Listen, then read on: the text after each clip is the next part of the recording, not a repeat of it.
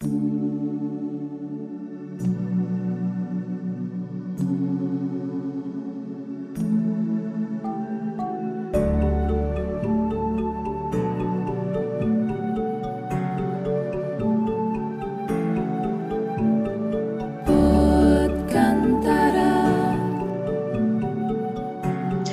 semuanya, kembali lagi bersama Podkantara, Podcast Nusantara.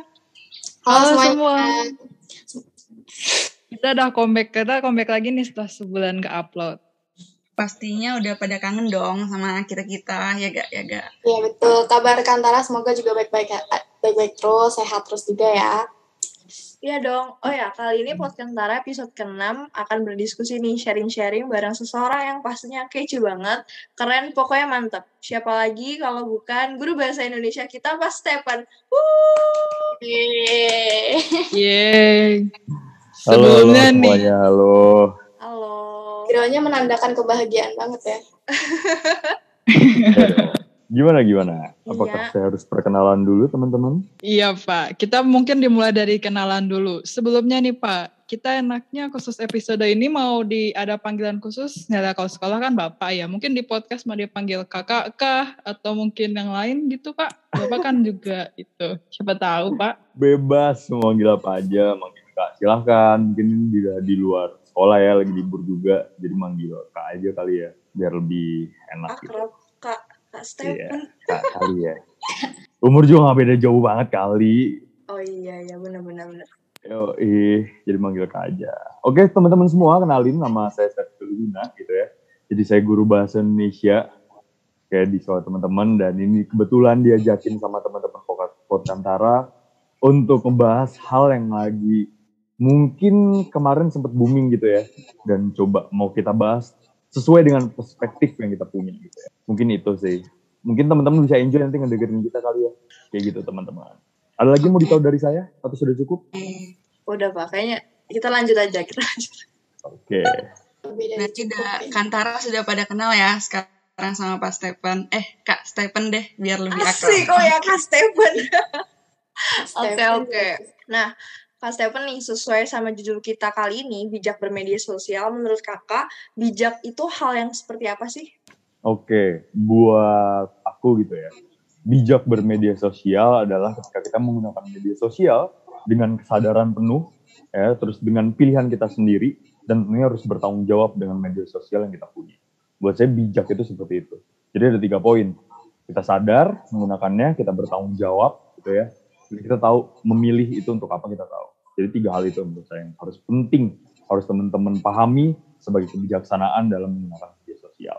Kayak gitu aja. Hmm, benar-benar. Kalau menurut Kiri gimana nih? Menurut aku sih kurang lebih hampir sama yang seperti Kak Stephen tadi udah bilang. Eh, lebih ke, ya di bawah sadar aja sih, kayak kita mau ngepost apa tuh, ya kita memang fully secara sepenuhnya tuh sadar. Jangan sampai nanti kita akhirnya nyesel atau gimana. Jadi benar kata Kak Stephen udah di bawah sadar, terus juga kita harus bisa bertanggung jawab. Gitu menurut aku. Benar, aku juga setuju sama yang dibilang Pak Kak Stefan sama Kire. Kalau yang penting itu kita sadar dan bertanggung jawab mungkin yang ditekankan. Karena kebanyakan dari kita tuh cuma asal pakai doang. Tapi ya udah begitu ada masalah langsung kabur, hilang gitu kan. Jadi harus berani bertanggung jawab. Iya, benar Tapi banget sih. kalau dari kasus itu sih kita kayak belajar mesti belajar lagi ya. Kalau kalau nggak semua orang yang dekat sama kita itu bisa dipercaya gitu. Apalagi tuh kayak udah masuk ke CF itu mungkin kan udah mungkin sama dia tuh udah dipercaya banget. Terus kayak malah bocor gitu juga. Temennya juga harus introspeksi diri nggak sih? Oh, kasus yang belum lama itu ya, yang selebgram itu bukan sih? iya iya itu benar. Ada ada yang soal media sosial Uh, kalau menurut aku bijak juga tuh kita tahu mana yang harus kita lakuin, mana yang harus enggak kita lakuin. Jadi ada batasannya gitu. Kadang kan ya sih itu hak kita buat bermedia sosial, tapi um, orang lain juga punya hak untuk menggunakan itu. Jadi kita sama-sama bisa jaga hak orang lain, kita juga jaga privasi satu sama lain. Gitu sih.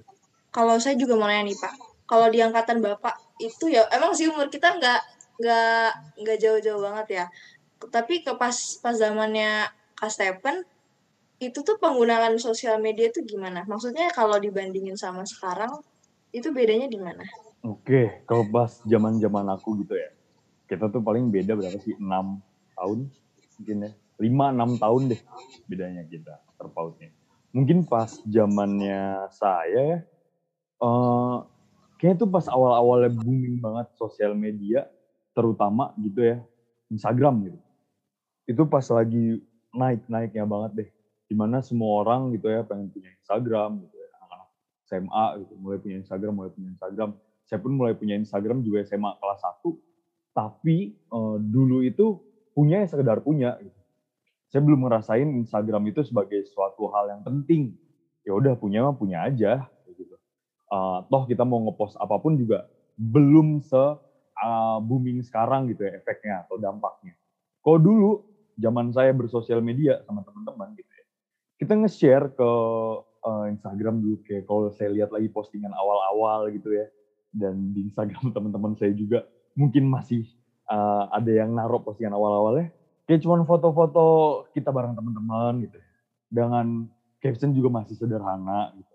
Kita belum bisa ngetek teman kita kalau nggak salah gitu kan terus paling juga ngefoto misalnya tentang foto alam kayak gitu kita pergi ke mana kita ngefoto gitu cuman itu doang ini terkhusus soal Instagram. Nah, terus mulai berasa Instagram itu naik banget.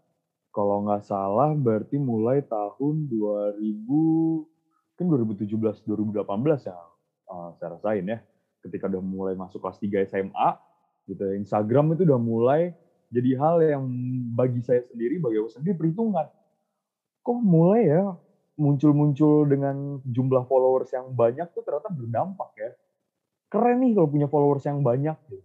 Dulu tuh kayak gitu, keren nih punya followers yang banyak.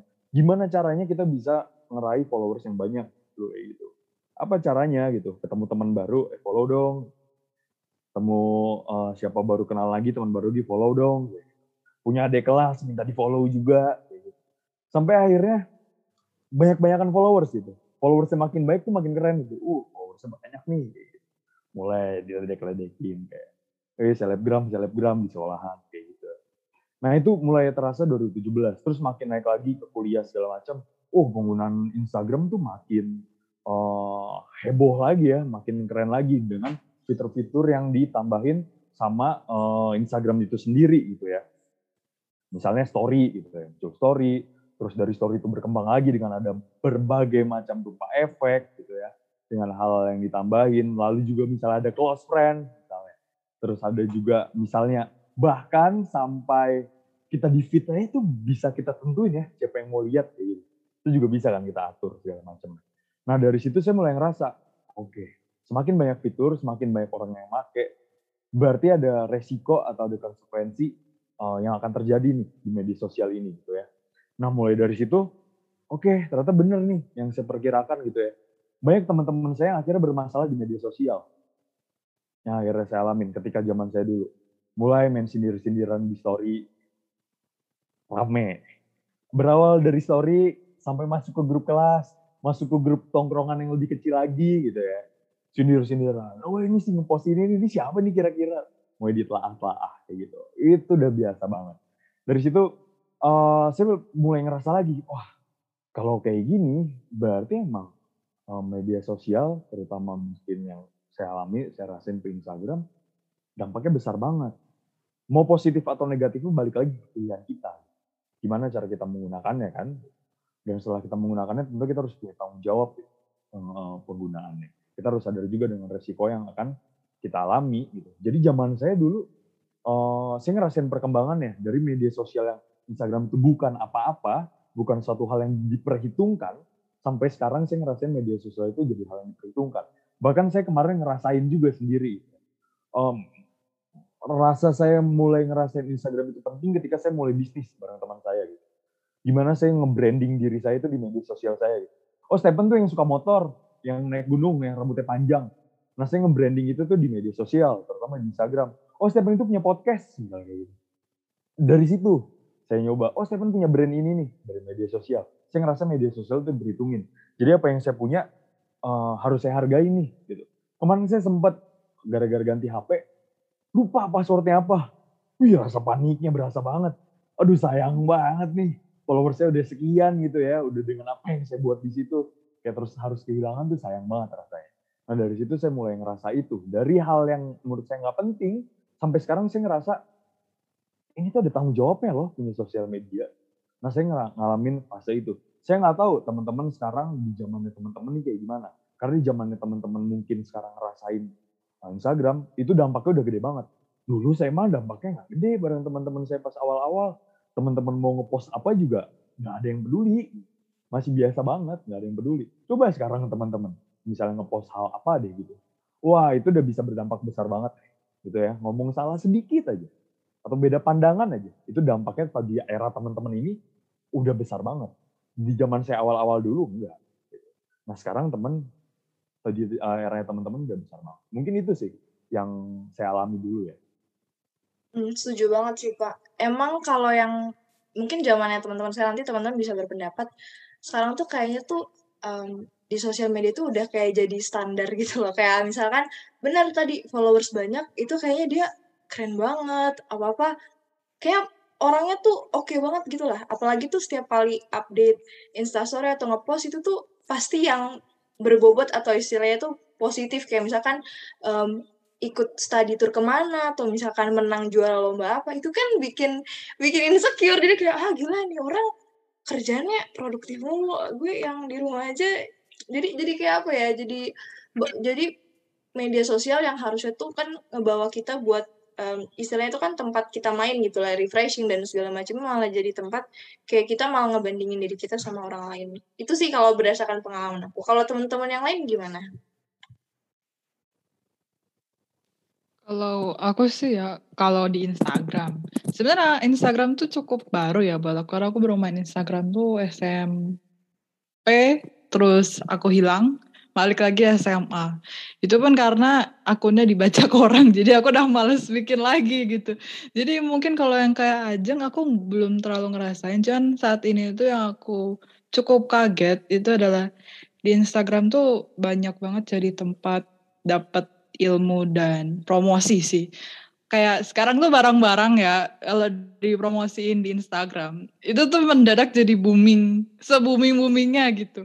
Terus ada Kayak misalnya promosi beasiswa atau apa tadi yang kayak Ajeng sempet sebut. Kalau aku sih lebih nemu positifnya ya, mungkin karena aku masih baru ya. Jadi kalau misalnya ngeliat orang keren, oh oke okay, gitu motivasi. Jadi kalau jadi insecure sih kayaknya enggak ya, cuman tetap tapi lebih ngeliat sih. Ya. Maksudnya iya. oh bisa bisa nerima itu sebagai hal yang positif kan nggak nggak semua orang tuh kayak nangkepnya apa gue harus kayak dia atau gue kurang gitu. Jadi kayak mengganggu sih sebenarnya gitu. Kadang bener tau yang dibilang Ajeng karena di angkatan saya banyak yang stres gara-gara ngeliat teman-temannya udah wisuda. Iya dong kadang kan kita gitu ya ada yang wisuda terus di repost lagi sama teman-temannya gitu. Repost nge-repost nge-repost dia udah wisuda. Teman-teman yang belum wisuda kayak ngapain wisuda ya dia udah wisuda lagi wisuda lagi akhirnya stres sendiri gitu. Uh, skripsinya nggak selesai cuma ngurusin orang lain doang. Kayak ini dia sudah gue kapan gue kapan deh ya udah kerjain aja matiin dulu aja sosial medianya fokus dulu ke hal yang penting kadang itu bener sih ngerasa sih saya juga gitu kadang ngelihat orang udah punya apa jadi kita mikir ya iya bener banget. jadi kayak kadang kita gitu. kurang gitu loh. Iya kok dia sampai situ kok kita enggak ya? Bener sih kadang saya juga ngerasa itu malah kalau oh, menurut di zamannya Pak Stephen juga kayak gitu. Ya, aja gitu. lanjut, Jang. Kalau menurut Izzy sama Kiri gimana nih? Kalau di aku lebih banyak dampak buruknya sih. Soalnya kayak malah jadi candu jatuhnya di aku tuh. Kayak uh, kalau lagi masa pandemi kayak gini kan contohnya uh, kita mau ngapain sih kalau nggak buka HP terus kayak bolak-balik buka HP terus mau posting ini postingnya tuh mesti dipikir-pikir lagi takut ntar uh, sama orang itu tuh dipikirnya tuh kayak negatif dan lain-lain gitu loh. Kayak nggak tahu takut aja ya balik lagi sih kayak ke insecure gitu. Terus takut salah berpendapat kayak gitu. Soalnya iya kalau aku bener. lebih suka post-post pendapat-pendapat postingan pendapat pendapat aku sendiri gitu loh jadi takut itu ngeganggu orang lain ya tapi pernah loh jujur aku waktu itu mau post tapi itu tuh kayak dipikirin berhari-hari sampai aduh kayak gue nggak jadi post deh kayak gue terlalu gini gini gini gini gitu. Jadi jadi nggak jadi. Jadi jadi ya udah gitu. Kalau menurut Kira gimana? Kalau menurut aku sih uh, aku juga sama kayak Nia sempet kayak stop dari terutama main Instagram gitu ya uh, terus kembali lagi main Instagram tapi aku dengan mindset yang beda gitu aku datang lagi tapi dengan mindset kalau aku main media sosial nih cuman uh, buat main-mainan aja. Jadi apa pun yang aku temuin, yang nggak usah digubris atau apa ya, diambil terlalu dalam malah sampai ke hati gitu. Seperti yang kayak tadi uh, Jung bilang kan, maksudnya nggak nggak luput lah kita bisa sering komparasi gitu loh hidup kita sama hidup uh, puncaknya orang lain yang kita nggak tahu sebenarnya usaha mereka di belakang kayak gimana. Jadi kalau kayak gitu sih aku jatuhnya uh, kita harus merasa fulfill dulu nih sama diri kita.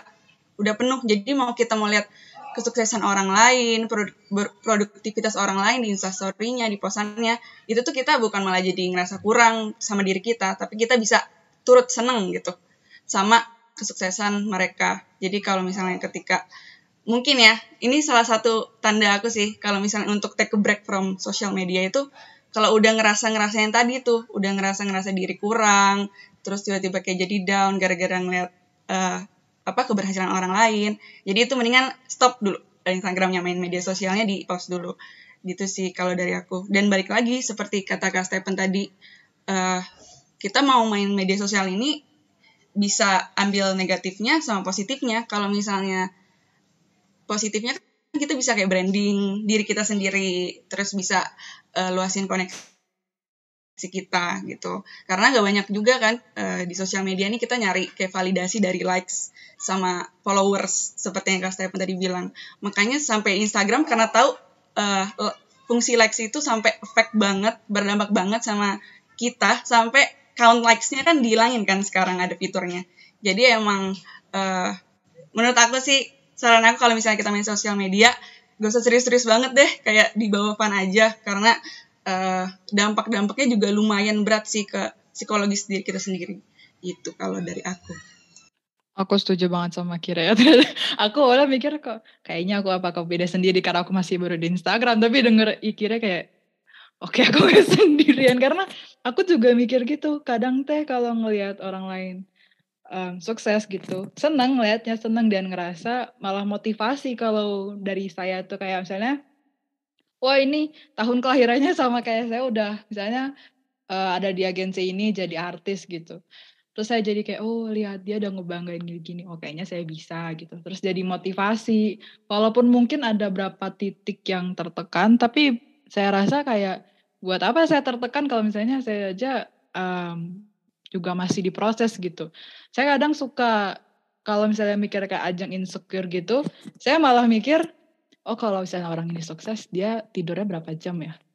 Uh, dia kalau misalnya dia secantik ini perawatannya semahal apa? Jadi saya malah ya ini juga mereka udah ada usahanya jadi ya nggak usah dibawa ini nanti kan ada waktunya gitu. Jadi jangan terlalu dianggap serius yang kayak tadi kira bilang jangan dianggap negatif terus ngebandingin diri sendiri karena proses kita juga pasti ada gitu kadang kadang walaupun kita ngepost sesuatu yang sederhana gitu. Misalnya kita ngepost foto kita sama keluarga kan bagi orang lain tuh sangat bermakna ya.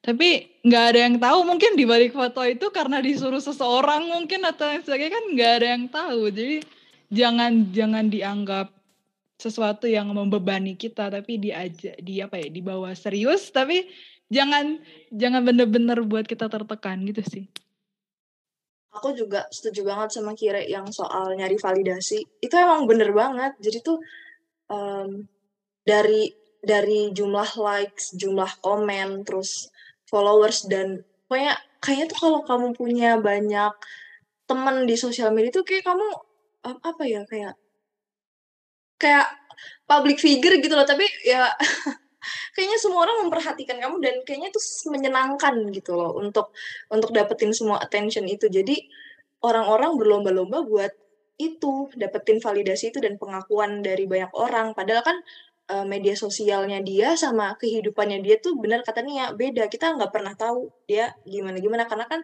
semua orang juga kalau mau nunjukin di media sosial pasti ya yang yang happy happy yang seneng seneng ya ya yang dia mau nunjukin ke orang gitu bukan yang sepenuhnya dia nunjukin ke orang bener sih bener banget Setuju. Good. Karena apa ya? eh yang dibilangnya sih banyak bener ya. Satu lagi ini sih, eh, memang namanya juga dunia maya ya. Dunia yang bukan real gitu.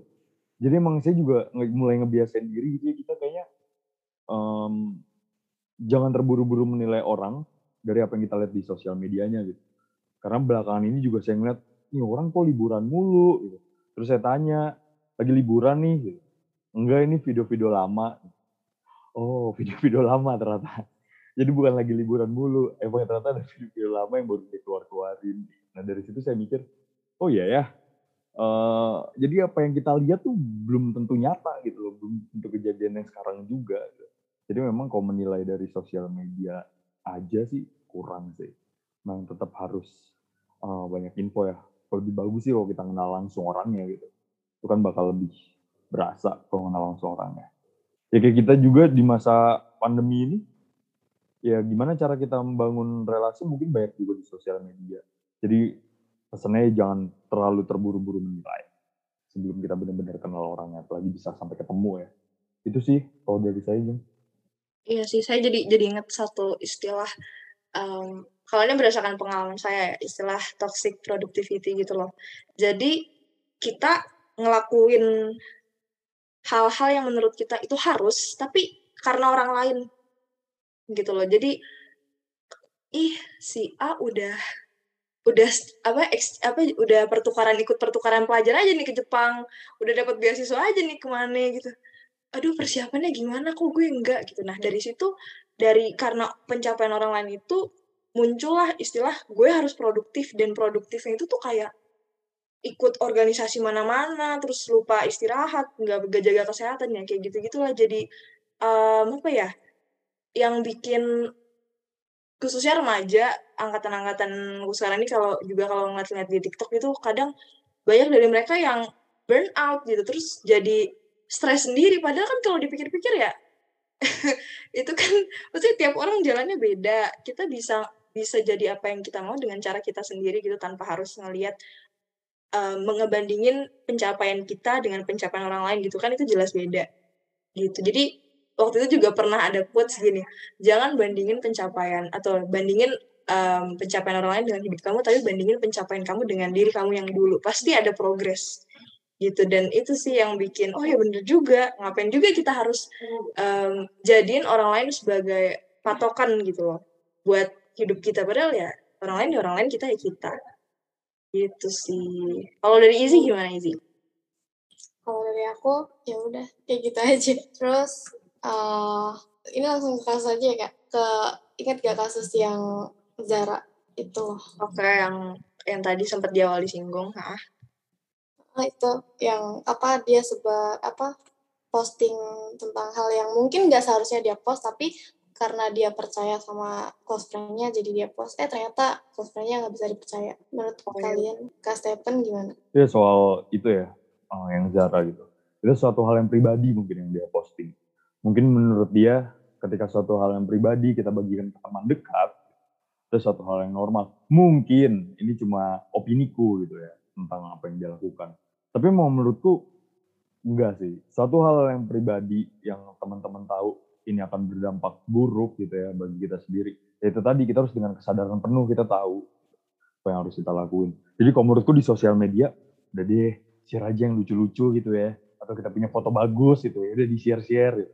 Tapi kalau yang terlalu pribadi atau ada sedikit menyinggung kayak nggak usah.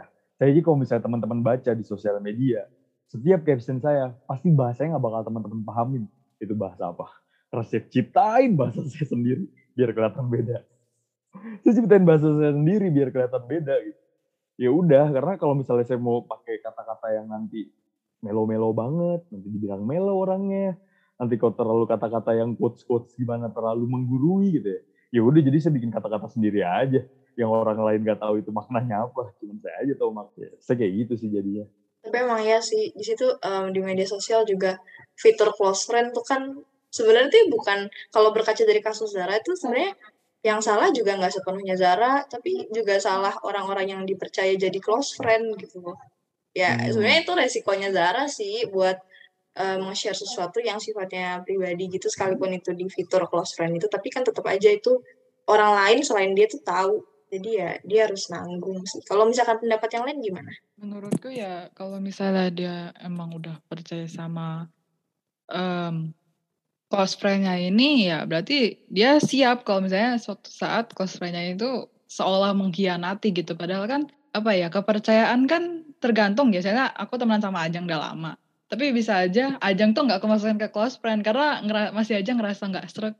Atau misalnya aku masukin si Izzy ke close friend, tapi si Izzy-nya tuh ngerasa ya apaan ini aku dimasukin ke close friend terus isi postingannya kayak gini sebarin ah kan nggak bisa apa ya kita kan nggak ada yang tahu juga pemikiran orang. Jadi menurutku kalau misalnya close friend itu lebih ke arah tanggung jawab itu sendiri dan apa ya balik lagi ke diri sendiri gitu. Karena yang memilih close friend itu kita gitu. Jadi kalau misalnya dicalain close friendnya menurut aku jika emang orang itu bertanggung jawab pasti dia akan ngerasa oh oke saya udah masukin close friend berarti saya harus jaga itu. Tapi kan kita nggak bisa memungkiri kadang itu em, nggak ada apa ya ada orang yang merasa ya udah share share mah share share aja gitu gitu sih Gitu ya. Tapi emang sebenarnya balik lagi ke kita sih.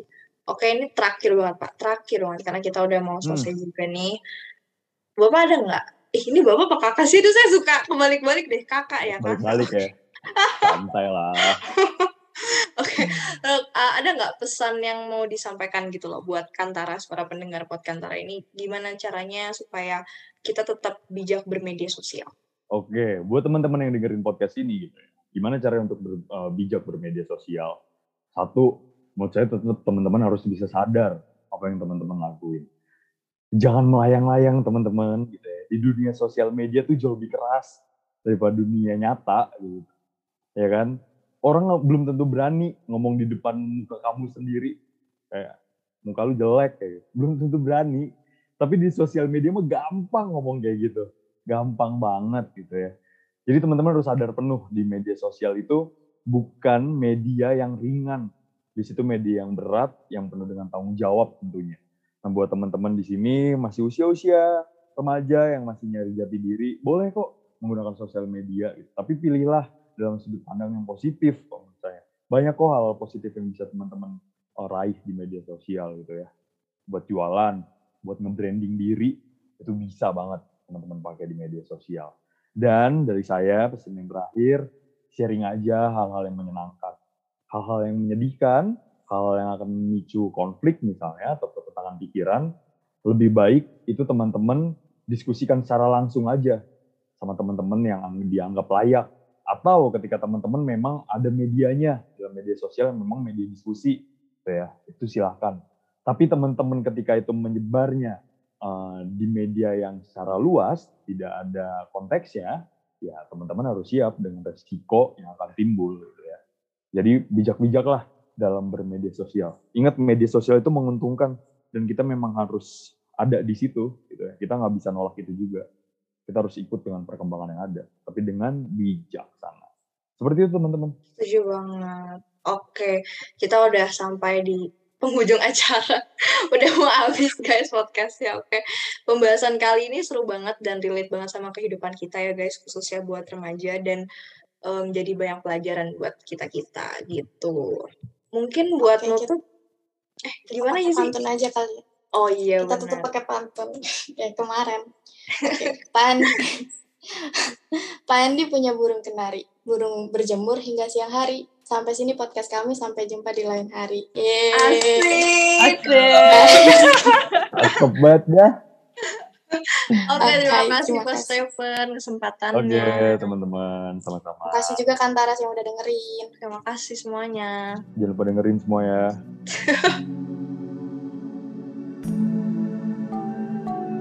Terima kasih telah mendengarkan episode ke-6 di dalam podcast kami pada kali ini.